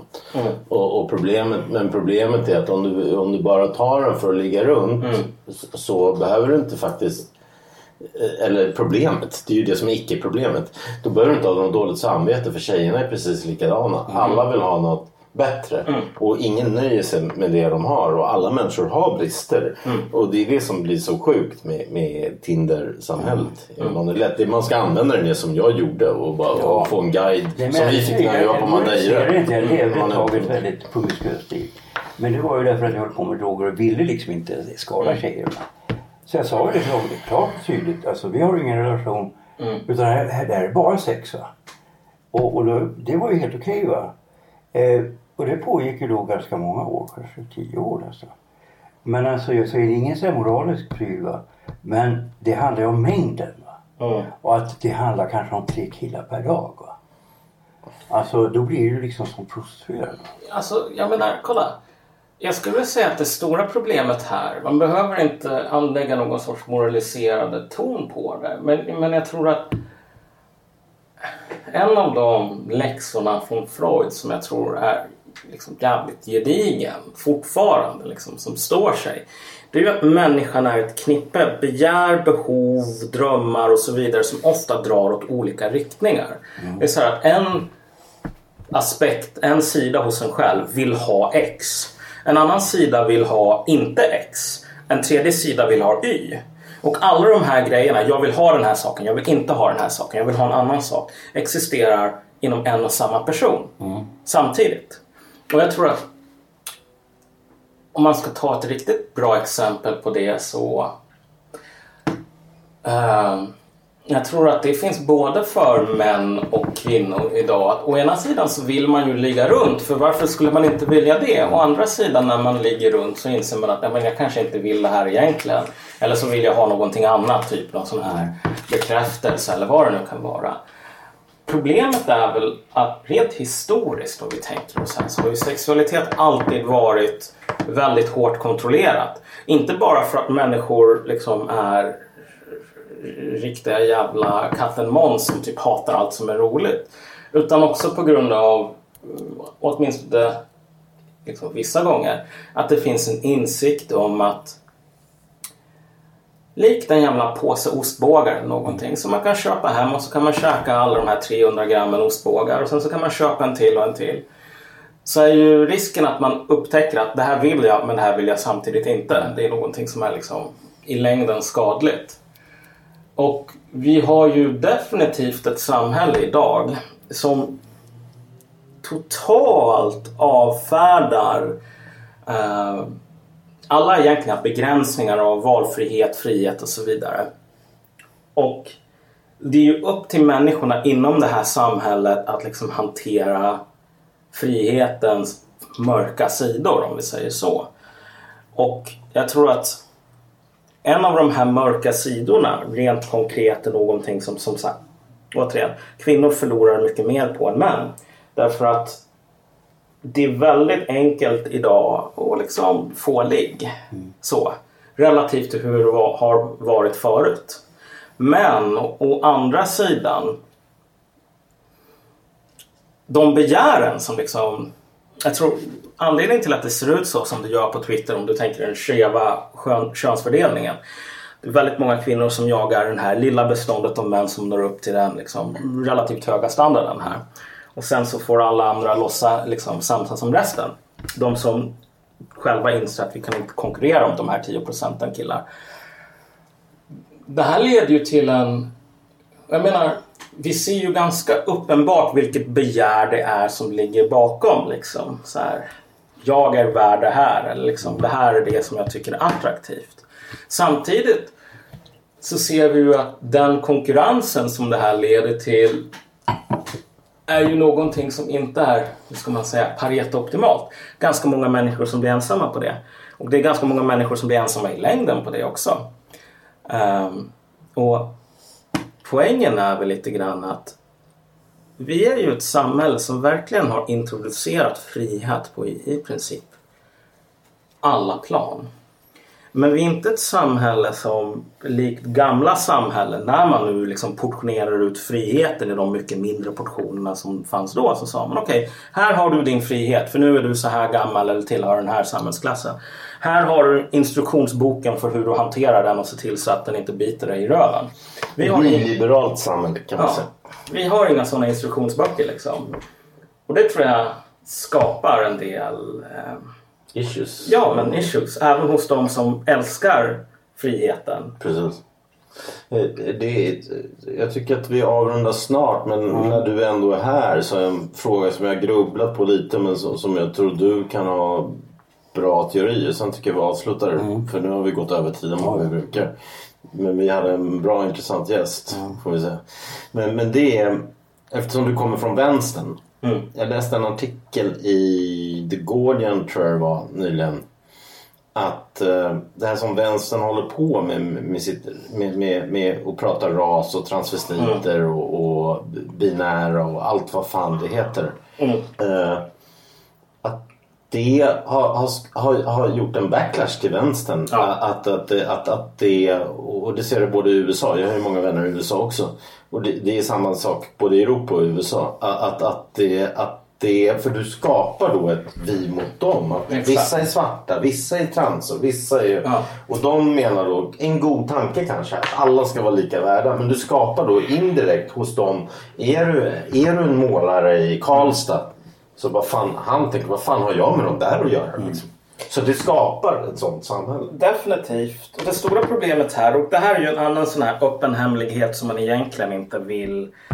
Du vet, du åker ut om du ställer den här frågan därför att alla vet svaret. Men det är så här, vilka är vi inom citationstecken i vänstern idag? Och det är inte målaren i Karlstad. Det är en grupp människor från en viss socioekonomisk bakgrund, från en viss etnisk bakgrund. Liksom. Man kan begränsa det här ganska enkelt liksom, och mm. säga att det här är inte folket med stort F. Det är inte ens folket med litet f. Det är vissa begränsade segment av befolkningen. Och det här med att skapa motsättningar. Jag, kan, jag, jag lyssnade på ett sånt här föredrag som verkligen illustrerade det med en amerikansk professor, riktigt gammal sån här räv i mm. civil rights. Mm. Och Adolf Reed Jr. Och han är väl typ 70 år och har liksom blivit jagad av liksom sheriffens hundar. Chamo Chomsky eller vad, heter han? Chomsky. Ja, Noam Chomsky. Noam Chomsky tänkte jag på. Ja. ja. Nej, det här är mm. Adolf Reed Jr. Och, och grejen är ju, han har varit med ett tag och liksom faktiskt hållit på och organiserat så här. Eh, jag tror Labour Party i Alabama bland annat. Grejen med honom han, sa ju, han var ju på någon sån här diskussion om typ det här identitetspolitik, ett stort problem för vänstern. Liksom, hur ska vi förhålla oss till det? Men han, hans föredrag där var det bästa för han sa så här att när du faktiskt är ute och ska organisera det är väldigt sällan som du behöver gå fram och säga så här. Det här är vår position på identitetspolitik. Liksom, så här tycker vi om det här och det här. Mm. Utan om du har det här tricket att du börjar diskutera så här okej, okay, vad är din upplevelse liksom, som amerikansk arbetare? För det, den upplevelsen är alltid densamma. Det är så här, har du inget jobb, då vill du ha ett jobb. Har du, har du redan ett jobb, då vill du ha, behålla det eller få ett bättre jobb. Liksom. Väldigt enkelt så. Om du utgår ifrån den sortens preferens då spelar det ingen roll om den här arbetaren som du talar med är liksom, trans, HB, eller liksom, homo, bi, whatever. Liksom, asexuell, demisexuell, vit, svart, liksom, mittemellan. Så här. Därför att den här personen kommer att säga Ja, jag vill faktiskt ha ett jobb. Eller jag vill behålla det jobbet jag har. Eller jag vill ha ett bättre jobb. Eh, och då kan man säga okej, okay, men har du funderat på den här och den här politiken och så vidare. Och problemet som vi ser här är ju att det här låter ju vid första anblicken som ett jävla bra sätt att få med sig folk som både är transsexuella och cis och homosexuella och bisexuella. Liksom. Fokusera på det som förenar människor. De, de aspekterna av sin, deras upplevelser som får folk att säga Vet du vad, jag är precis som den där personen. Precis. Så, ja, som, alla människor. Ja. Men det här är ju inte intresset. Det är inte mm. det man är intresserad av. Utan du tjänar ju relativt stora pengar idag liksom, i Sverige till exempel.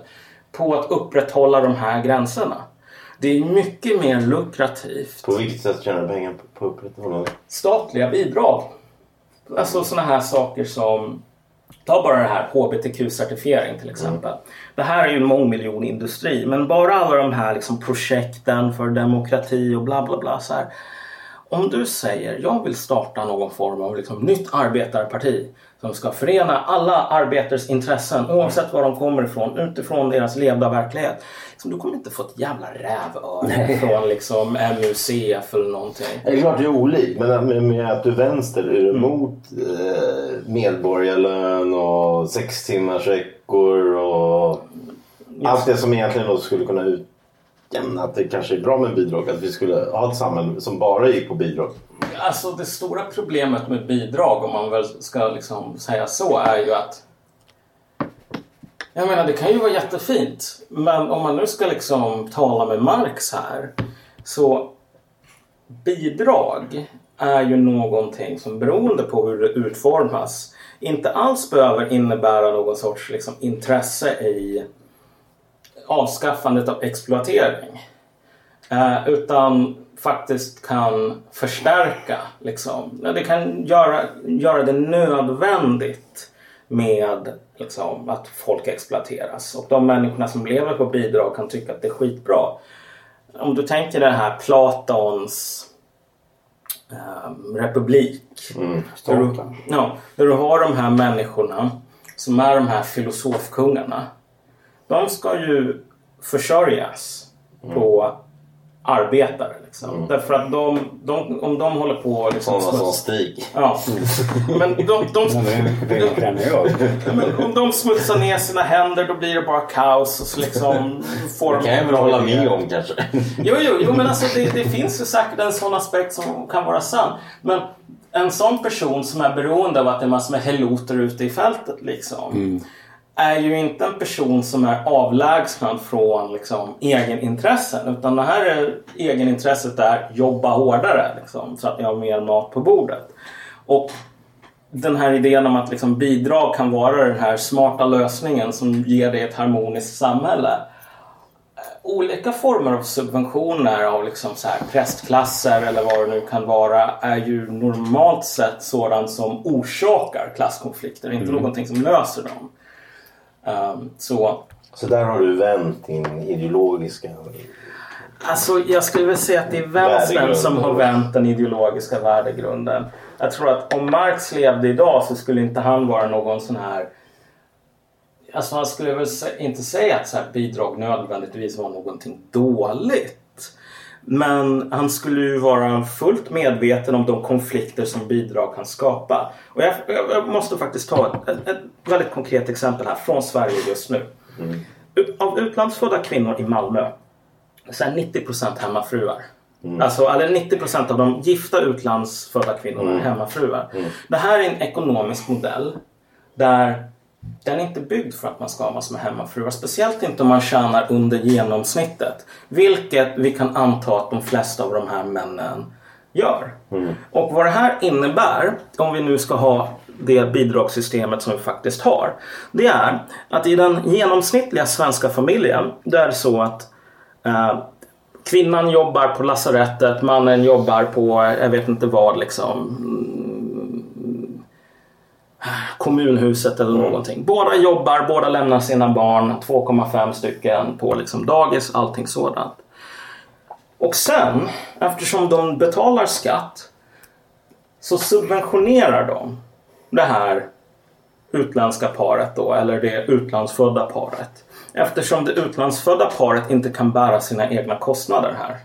Vilket betyder att helt plötsligt så får du en väldigt bra grogrund för en etnisk motsättning. För liksom Kajsa-Stina eller vad hon nu heter kan komma, vakna upp en dag eller en natt efter en riktigt stressig jävla dag på lasarettet där man måste ställa ut massor med sjuka människor i korridoren för att man inte har nog med sängplatser kvar. Så här. Jag jobbar här 8-9 timmar om dagen. Varför ska jag betala den här höga skatten för att men liksom, utlandsfödda kvinnor i Malmö ska kunna vara hemma och få kostnaderna för det betalda av bidrag. Borde det inte vara så att de här bidragen ska avskaffas? För då kommer jag att betala mindre. Och de här kvinnorna de behöver också jobba på lasarettet vilket du vet leder till mer liksom, produktivkraft och så vidare. Och det här är ju ett liksom, korrekt argument så långt som det går. Uh, och den sortens konflikter kan du skapa genom transfereringar. Och eh, då kan man ju säga så här att ja, men Kajsa-Stina du måste komma ihåg att Sverige liksom ägde 3000 slavar för 300 år sedan så du måste betala det här för att betala av din moraliska skuld. Liksom. Jag var ju på sambattelmi mycket bak, i barndomen. Det var Sverige som avskaffade slaveriet där. Mm. Ja. bör väl tilläggas också. Liksom, ja, men du, du, du ser liksom konflikten som kan växa fram här. Och att bara för att den här konflikten är liksom Kajsa-Stina mot Fatima. Liksom, att, det, att man ser väldigt tydliga sådana liksom klyvningar. Så behöver den inte vara inkorrekt. Nej. Utan den kan vara grundad i så här materiella intressen. Nej, jag tänkte bara på vänsterns utopi. Liksom, Mm. att, att du kör för precis alla. Att, att en kulturarbetare jag, får jag, jag samma tycker som... det mest avslöjande är ändå det här, det gick en tv-serie med eh, Reinfeldt i- intervjuade europeiska makthavare. Och hans samtal med, med Tony Blair. Mm. Det är bara ett replikskifte, det är helt absurt. Då säger eh, Reinfeldt, man måste väl säga att, eh, att vi har tagit över vänsterns eh, liksom, åsikt. Ja, vänstern har egentligen vunnit. Och så ler Tony Blair och säger ja det kan man verkligen säga. Vänstern vann, vi får erkänna det. Och de här människorna de är ju inte ett dugg vänster. Nej men problemet med, med Reinfeldt och hela hans gäng, vad hette Littorin, det var ju att de var ett gäng som var nyliberaler. Och då är det helt okej att säga öppna gränser. Men, och öppna gränser, jag tror fortfarande att det finns att det, den nyliberala, det är egentligen en anarkistisk grej att, att den kan funka men då måste hela västvärlden öppna sina gränser. Ja, det- det räcker inte att Sverige och Tyskland bara gör Ja, det. men Grejen är den att de här människorna de är ju liksom överklass. Och vill ha skoputsare även i Sverige. Ja, ja. De vill kunna ha det som i Thailand. Alltså billig arbetskraft. Ja, jag menar på det sättet så skiljer de inte sig så mycket från den moderna vänstern. Därför att alltså, den moderna vänstern vill inte ha skoputsare per se. Alltså, de, men vad de vill ha är en viss sorts estetik. Liksom. Och den här estetiken handlar om, du vet, liksom, ingen människa är illegal, liksom, alla de ramsorna. Och sen är det så här att Likt de här borgerliga bohemerna, dessa så kallade bobos i Paris som alltid liksom sa att men min farsa betalar ju alla mina omkostnader. Varför kan vi inte bara utöka den principen på hela samhället? Liksom? För så fort jag behöver mer pengar att betala för min senaste liksom, flickvän i en rad på 20 stycken det här kvartalet. Ah, Då ringer jag bara till min liksom, bankdirektör eh, till farsa och säger jag behöver mer pengar. Och så skickar han liksom för över pengar. Och det är bara så här, det här är en jättefin princip om du är en jävla bobo. Men det är inte en så himla bra princip som funkar när den personen som du ringer heter typ indirekt typ Kajsa-Lisa och jobbar på ett lasarett där man placerar ut sjuka i korridorerna för att man inte har nog med sängplatser. Den här övertron på att men herregud, vi kan alltid gå till arbetande människor och säga nu ska ni betala mer. Och det är ju de facto vad man gör. Eh, och sen säga om inte ni betalar mer då kommer vi kalla er rasister. Liksom den övertron på att det funkar är ju en av anledningarna till att liksom, arbetarklassen röstar på SD. De röstar fan inte på V. Där avslutar du. Ja, jag vill då bara annonsera att vi kör en skrivarkurs i eh, åtta veckor blir det i höst för Studiefrämjandet. Plus att vi kommer också göra, det kan man också, man kan ansöka antingen till den via Studiefrämjandet. Och vad säger du Stig, vad, vad ska vi göra med kursen? Det är väl framförallt dramatik och film som Ja, folk är alltså det beror lite grann på eleverna och deras önskemål. Alltså, vi tar emot elever som är intresserade av att skriva poesi, eh, prosa, eh, dramatik, filmmanus. Även reportage som folk behöver och vi, vi kommer Det blir som, som när det brukar vara sådana här skolor att vi, vi, vi lär varandra genom ett konstruktivt sätt att läsa varandras skrifter. Ja. Men vill man då ansöka till den så beställer man Studiefrämjandets nya katalog för höstterminen och ansöker via dem då.